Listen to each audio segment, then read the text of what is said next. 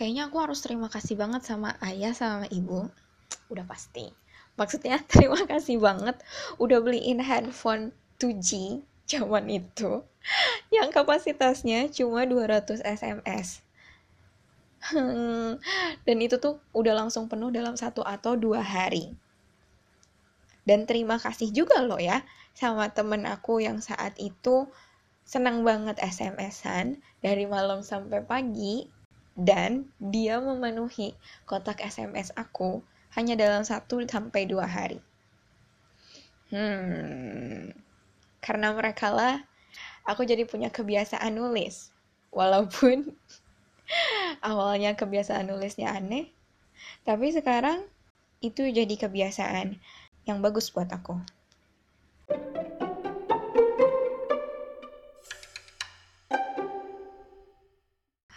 Hai semuanya, ini Wally kembali lagi sama podcast uh, Wallflower. Ini episode kedua dari Wallflower. Di podcast ini aku akan ngomongin apa pun, mulai dari pertanyaan-pertanyaan aneh atau sekedar hasil ngegarutu, perdebatan batin atau kegelas kegelisahan kecil yang butuh aku luapin. Sebenarnya podcast ini cuma terapi sederhana aku untuk bisa lebih berani berekspresi dan berani didengar. Sekali lagi, ini cuma catatan suaraku aja ya.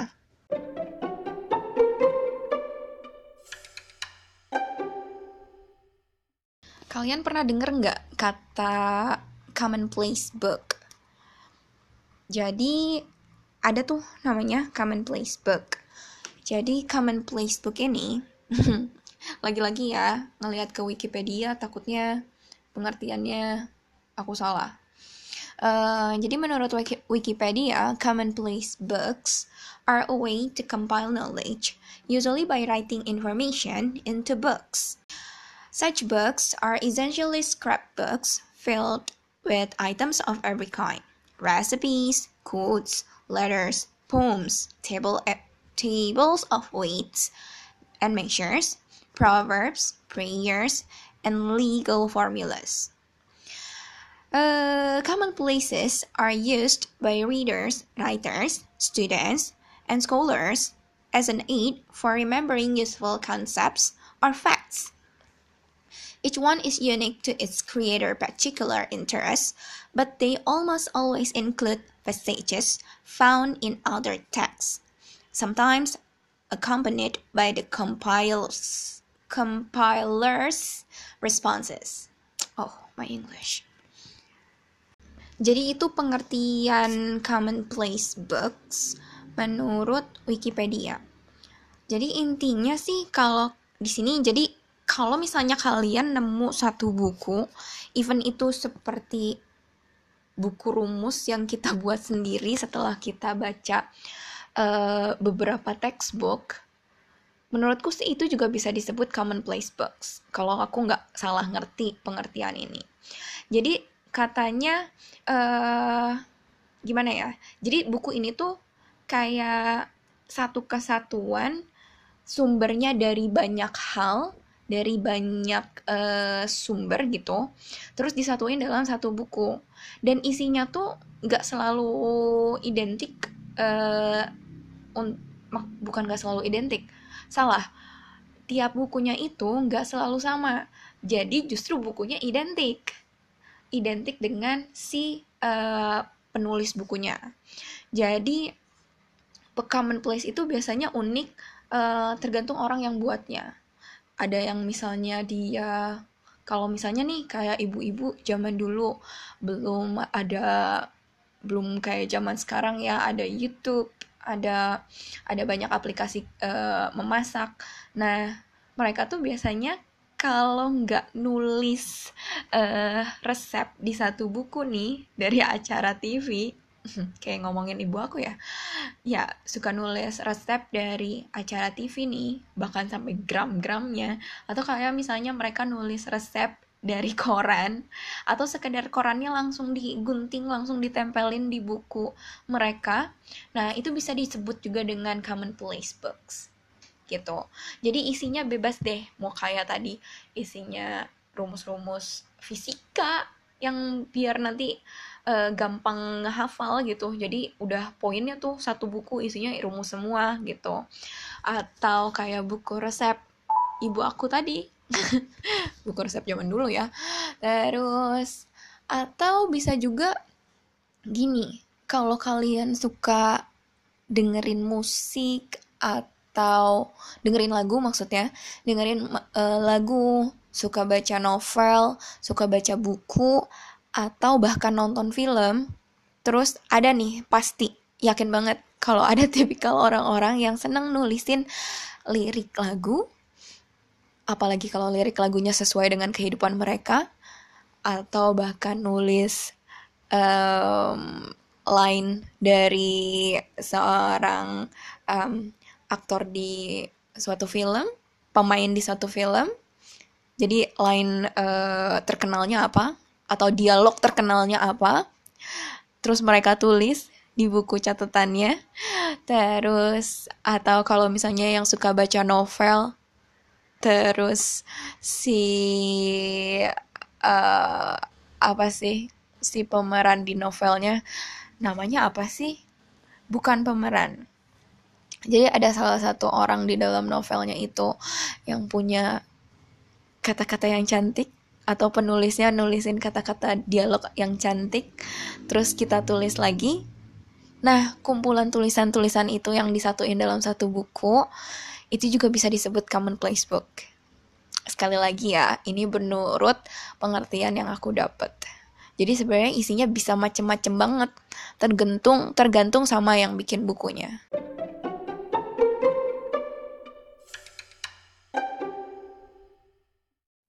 Sebenarnya dulu nggak ada istilah commonplacing ya, dan nggak ada juga istilah commonplace. Hmm, salah, kata-kataku salah. Bukan nggak ada, tapi belum pernah dengar akunya.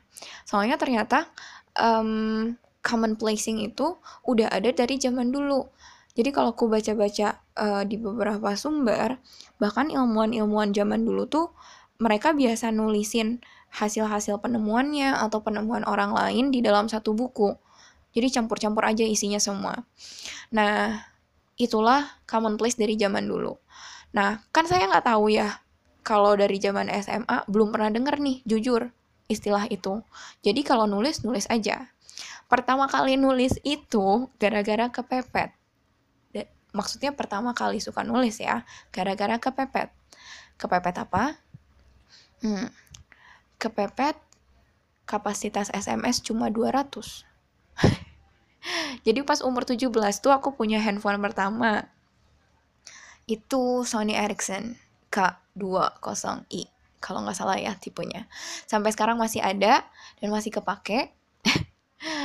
Sayangnya kapasitas 200 SMS dalam handphone itu tuh yang harusnya bisa normal buat orang lain yang nggak suka SMS-an tuh cukup, tapi buat aku tuh nggak cukup. Dan itu membuat frustasi. Kenapa bikin frustasi? Jadi, itu SMS kalau lagi penuh, itu SMS baru nggak bisa masuk dan terus-terusan ada notif masuk, hey handphone kamu SMS-nya penuh, tolong di delete. Ini ada SMS baru mau masuk. Dan itu sumpah ngeselin banget. Sedangkan aku tipikal orang yang kayak gini. Isi SMS tuh kan ada yang berharga ya. Jadi misalnya aku SMS-an sama teman, terus uh, isi SMS-nya misalnya nih, kalau misalnya pas lagi ulang tahun, oh ucapannya menyentuh atau apa, pengennya kan disimpan kan. Sementara memori penyimpanan tuh cuma 200 ditambah misalnya dari SIM 20 atau 10 gitu ya. Tergantung panjangnya si SMS. Nah, kalau makin numpuk juga kan penuh kan. Nah, itulah yang bikin aku bingung mungkin kalau buat orang-orang yang nggak terlalu peduli ya udah sih memori mah untuk dikenang gitu. Ya lupa ya udah gitu. Tapi kalau aku tuh kayak nggak mau melepaskan momen-momen bagus kayak gitu tuh. Ya kata orang tuh uh, ya tinggal dihapus aja sih kok susah. Kan kalau udah dihapus juga memorinya kosong lagi kamu bisa nerima SMS lagi gitu. Hmm tidak tidak ini seperti mempersulit diri sendiri ya kalau zaman dulu. Semenjak itu, karena intensitasku SMS-an juga lumayan tinggi, bayangin kalau misalnya uh, kapasitas 200 SMS bisa penuh dalam dua hari itu kebayang maksudnya SMS-an tiap harinya tuh berapa banyak sih gitu ya gara-gara itulah gara-gara saking doyannya SMS-an dan SMS-nya penuh dan SMS-nya banyak yang berharga tapi aku nggak mau dihapus. Eh maksudnya SMS yang nggak mau aku hapus. Jadi aku nyediain salah satu buku yang isinya adalah SMS kurang kerjaan banget. Itu zaman SMA aduh buku buku SMS-nya tuh cantik banget. Bukunya ukuran A5 Iya, bener-bener kayak buku tulis, tapi hardcover. Hardcovernya tuh cakep banget. Kalau nggak salah dari merek Kiki. Dan itu cakep banget pokoknya. Uh, itu aku bisa ngabisin sampai tiga buku. Tiga buku itu isinya um, cuma SMS dari satu orang, satu sahabat aku. Jadi aku sama sahabatku tuh sering banget SMS-an uh, malam-malam dan gak tahu kenapa aku sangat mengapresiasi isi SMS SMS kita. Karena mungkin ya itu SMS-nya tuh benar-benar malam-malam bukan malam-malam kayak gini ya. Oh, kayak gini. Ya saat ini aku recordingnya sekitar jam uh, delapanan gitu. Ya bukan kayak jam 7 jam 8 jam 9 10 yang ad masih ada orang tidur gitu. Tapi waktu itu kami SMS-an tuh bener-bener di jam orangnya tidur. Karena kami berdua uh, makhluk malam gitu. Jadi rata-rata sebelum jam 12-an kita tidur terus di atas jam 12-an kita baru ngerjain tugas dan lain-lain gitu. Walaupun dia tidur lebih awal tapi aku biasanya uh, bangun sampai pagi sampai hari selanjutnya gitu. Dan itu bener-bener mengisi tiap jam. Bayangin lah gimana SMS-an bisa sampai nggak ngantuk gitu.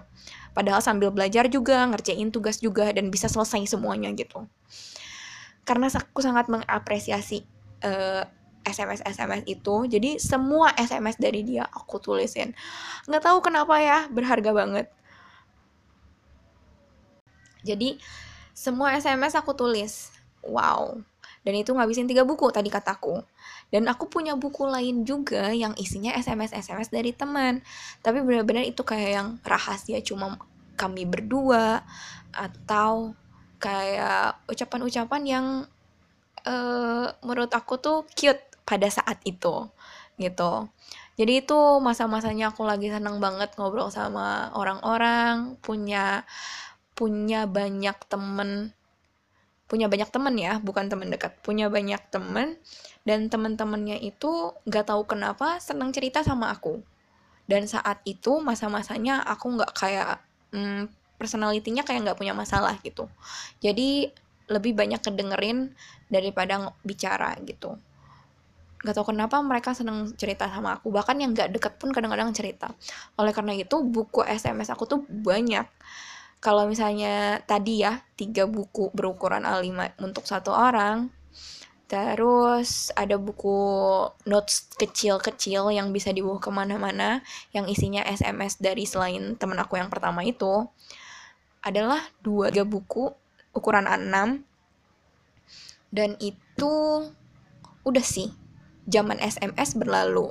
Sampai akhirnya muncul uh, aplikasi aplikasi chat seperti Yahoo Messenger atau aplikasi aplikasi uh, ya aplikasi teks sih maksudnya. Jadi kan udah nggak memakan memori lagi tuh memori SMS maksudnya. Nah dari sejak itulah udah berhenti nulisin SMS gitu. Tapi senengnya dari kebiasaan lama itu muncullah kebiasaan baru yang menurutku semuanya bagus-bagus.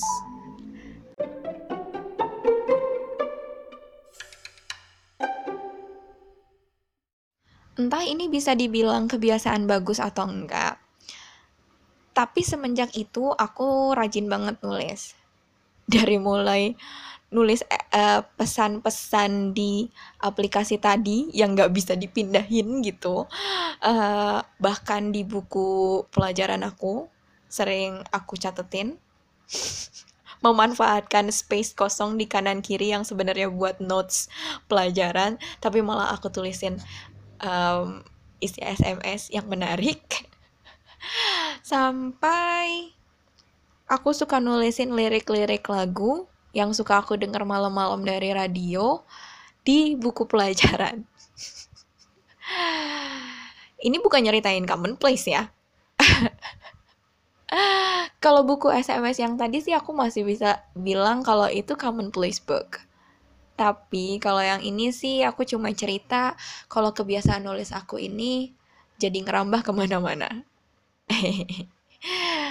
kalau lagi malam-malam dengerin radio, terus pas lagi ngerjain apa pun nih, belajar malam-malam dengerin radio, oh ada lagu bagus terus liriknya aku suka. Pada saat itu juga, buku apa yang ada di depan, misalnya buku pelajaran textbook, ada space kosong, ditulisin lah di situ. Jadi kebiasaan coret-coret buku itu awalnya dari situ. Nggak tahu kenapa. Jadi sering banget aja nulis. Even kalau misalnya di struk belanjaan suka ditulisin kayak nggak mau ada space kosong gitu. Terus belakangan kebiasaannya juga menurutku sih berubah membaik juga sih. Jadi asalnya punya buku curhat atau ya bisa dibilang diary mungkin ya. Buku curhat harian. Bukunya pakai weekly planner sebenarnya tapi isinya bukan planner. Eh isinya bukan plan bukan agenda uh, rencana aku minggu ini lalalalala bukan. Isinya uh, justru buku curhat. Sebenarnya cuma pengen uh, ngegunain space yang sama. Jadi weekly weekly planner itu biasanya punya uh, punya space yang sama untuk tiap harinya. Nah space yang sama itu tuh kadang-kadang memaksa aku untuk menuhin karena kayak nggak pengen ngeliat space kosong untuk menuhin tiap harinya gitu. Jadi aku jadiin itu sebagai tempat uh, curhat tiap hari. Dan weekly weekly planner itu biasanya nggak terlalu besar space-nya. Jadi mau alasan apa sih Du untuk nggak ceritain harimu yang hari itu gitu? Mau biasa aja mau mau nggak nyenengin mau nyenengin ya tulis aja gitu. Dan space kecil itu tuh memaksa aku untuk menulis setiap hari. Dan itu bekerja dengan baik menurutku. Tapi uh, mungkin sedikit berbeda nanti ketika uh, datang pandemi ya terus kebiasaan nulis aku juga merambah ke uh, suka nulis-nulis um, pengeluaran suka nulis to-do list uh, kayak sebelum ngapa-ngapain atau pas malam-malam kalau misalnya takut besoknya hektik dan nggak terencana gitu uh, jadi suka nulis to do list. Mungkin ini kebiasaan-kebiasaan yang orang lain juga suka gitu. Uh, bagus kok gitu jadi nggak tahu kenapa deh kebiasaan ini aku ngerasanya berpengaruh baik buat aku pribadi jadi sampai sekarang tuh masih suka nulis buku keuangan, bener-bener buku keuangan kayak misalnya buku keuangan cash terutama yang suka nggak tahu ke mana kan. Oh, perasaan awalnya cash aku segini, terus tiba-tiba berubah. Nah, itu tadi buku keuangan bisa ngeliat oh bocornya di mana kayak gitu.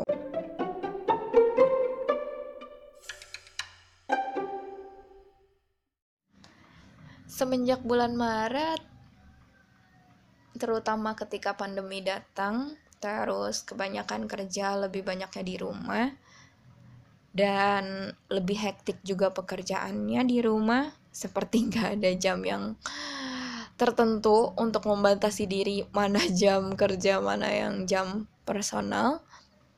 Semenjak itu semuanya jadi berubah, kebiasaan menulisnya. Hmm, buku curhatnya tetap ada, tapi lebih berantakan. Udah nggak lagi tiap hari. Tapi uh, dengan kebiasaan yang lalu minimal aku tahu di mana aku harus nyalurin perasaan aku. Terutama untuk emosi-emosi yang meledak-ledak. Kayak misalnya berhubungan dengan uh, customer. Karena aku bekerja di bidang service um, pasti ketemu sama banyak customer dan pasti ada kala aku clash sama mereka. Dan ya saat-saat itulah buku kecil aku sangat berharga. Jadi buku kecil yang suka ada di sebelah meja kerja hmm nggak boleh dibaca sama orang lain. Bisa-bisa isinya gibah semua. Isinya hal-hal buruk tentang orang lain semua. Ya malum lah itu nulisnya pas lagi meledak-ledaknya pasti yang pengen disalahin tuh orang lain gitu. Jadi yang kambing hitamnya ya selain aku. Mungkin nanti aku bisa refleksi kalau misalnya aku baca lagi isi bukunya. Oh mungkin bisa jadi aku yang salah. Ya anyway um, selain itu semenjak pandemi juga kebiasaan nulisku sedikit berubah. Semuanya, bukan semuanya. Selain yang tadi buku curhat yang masih manual nulis, beberapa ada yang dialihkan ke um, sistem elektronik atau sistem digital. Ya, seperti tadi aku bicara tentang commonplace, ternyata commonplace juga bisa uh, dilakukan secara digital. Bahkan ada salah satu aplikasi dan aplikasinya juga aku suka itu, dia sangat mendukung uh, commonplace uh, commonplacing uh, tapi digital gitu. Jadi pakai aplikasi ya kan gampang ya tinggal buka app nulis lala. tinggal buka app tinggal nulis lala. gitu nah aku pun uh, sangat jatuh hati dengan aplikasi ini awalnya uh, sebut aplikasi ya namanya Evernote itu hmm, kegunaannya lebih dari sekedar notes yang biasa kita temui di uh, handphone biasanya kalau notes yang di handphone aku ya nih di handphone aku cuma bisa nulis um, terus attach foto kayak gitu. Terus poin-poin highlight. Itu doang sih. Terus pin ada uh, fitur untuk ngepin uh, notesnya jadi yang paling atas. Nah si aplikasi satu ini si Evernote itu hmm, bener-bener aplikasi yang aku suka. Kenapa? Karena untuk aku pribadi aku nggak cuma butuh budayeri yang isinya tulisan. Maksudnya bukan cuma tulisan jadi aku tuh suka banget nge-record suara dan isinya juga curhat sebenarnya. Sebelum sebelum pandemi terus aku bekerja dengan yang buku kecil yang isinya tadi uh, ngomongin orang lain itu tuh aku sering uh, ngeluapin perasaan bahkan lebih meledak ketika pakai suara di voice recorder handphone. Di handphone kan biasanya ada aplikasi bawaan voice recorder tuh. Nah, aku tuh kalau misalnya pas lagi emosi berat uh, tapi kayak kalau nulis itu pasti jatuhnya cuma coret-coret. Jadi lebih baik lebih baik aku kayak mensimulasikan aku sedang ngomong jahat atau ngeluapin emosi aku sama orang yang bikin aku emosi gitu. Dan itu aku pakai voice note. Oh, I'm sorry. Voice recorder maksudku. Pakai voice recorder. Ya, kan ada tuh aplikasi bawaannya pasti di tiap handphone. Dan yang aplikasi yang tadi aku sebut uh, si Evernote ini, dia punya aplikasi untuk oh bukan punya aplikasi, dia punya fitur untuk bisa nge-record suara. Jadi fiturnya tuh banyak banget dari mulai ngekategoriin um, catatan, terus kita bisa nge-record suara, udah gitu kita bisa scan foto jadi tulisan, terus uh, apa ya? Pokoknya ada banyak fitur yang berbeda dari sekedar notes yang kita biasa temuin di handphone. Tapi yang paling aku suka yaitu tadi, fitur bisa nge-record suara. Terus apa bedanya kalau misalnya kita punya voice recorder di aplikasi bawaan handphone dan aplikasi notes bawaan dari handphone kan sama aja jadi kan bisa dua-duanya kan sebenarnya nah apa bedanya kalau pakai aplikasi Evernote ini semuanya di save di Google Drive gitu. Jadi gak ada alasan uh, handphone hilang terus semua memori aku hilang. gitu.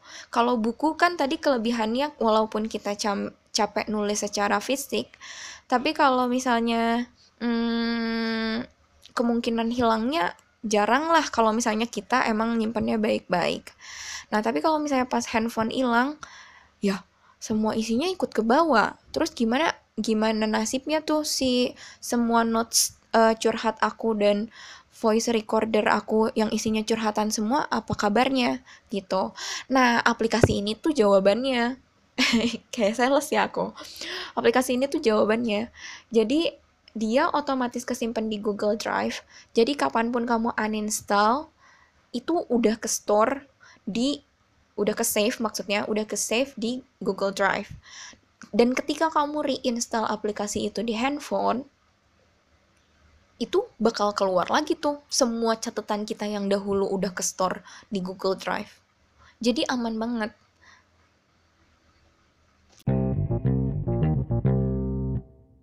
Terus muncullah keberanian aku untuk munculin podcast ini. Podcast ini tuh aku sebut rekaman suara aku atau commonplace aku yang isinya mirip-mirip sama isi notes dan voice recorder aku di handphone. Tapi tentulah nggak lebih personal ya. Jadi terima kasih banget loh untuk zaman digital seperti ini, semuanya serba dimudahkan. Walaupun masih ada pembukuan yang sifatnya manual, sifatnya pakai buku fisik, tapi common placing book pakai alat-alat digital, pakai sistem digital, itu pun sangat membantu. Jadi memori kamu nggak akan hilang. Memori apa pun yang mau kamu simpan dan mau kamu ingat kembali di masa depan, cobain deh. Common placing. Kamu bisa pakai apa aja, media apa aja, kamu bisa ngomongin apa aja. Mau pakai buku manual, mau pakai buku digital, pakai notes, voice recorder, atau bahkan podcast kayak gini, kamu bisa coba.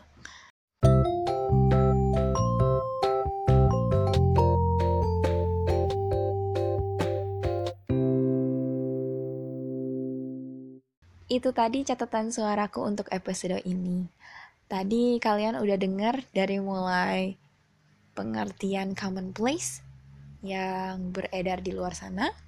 Terus commonplace-nya aku yang isinya SMS-SMS dari masa lalu.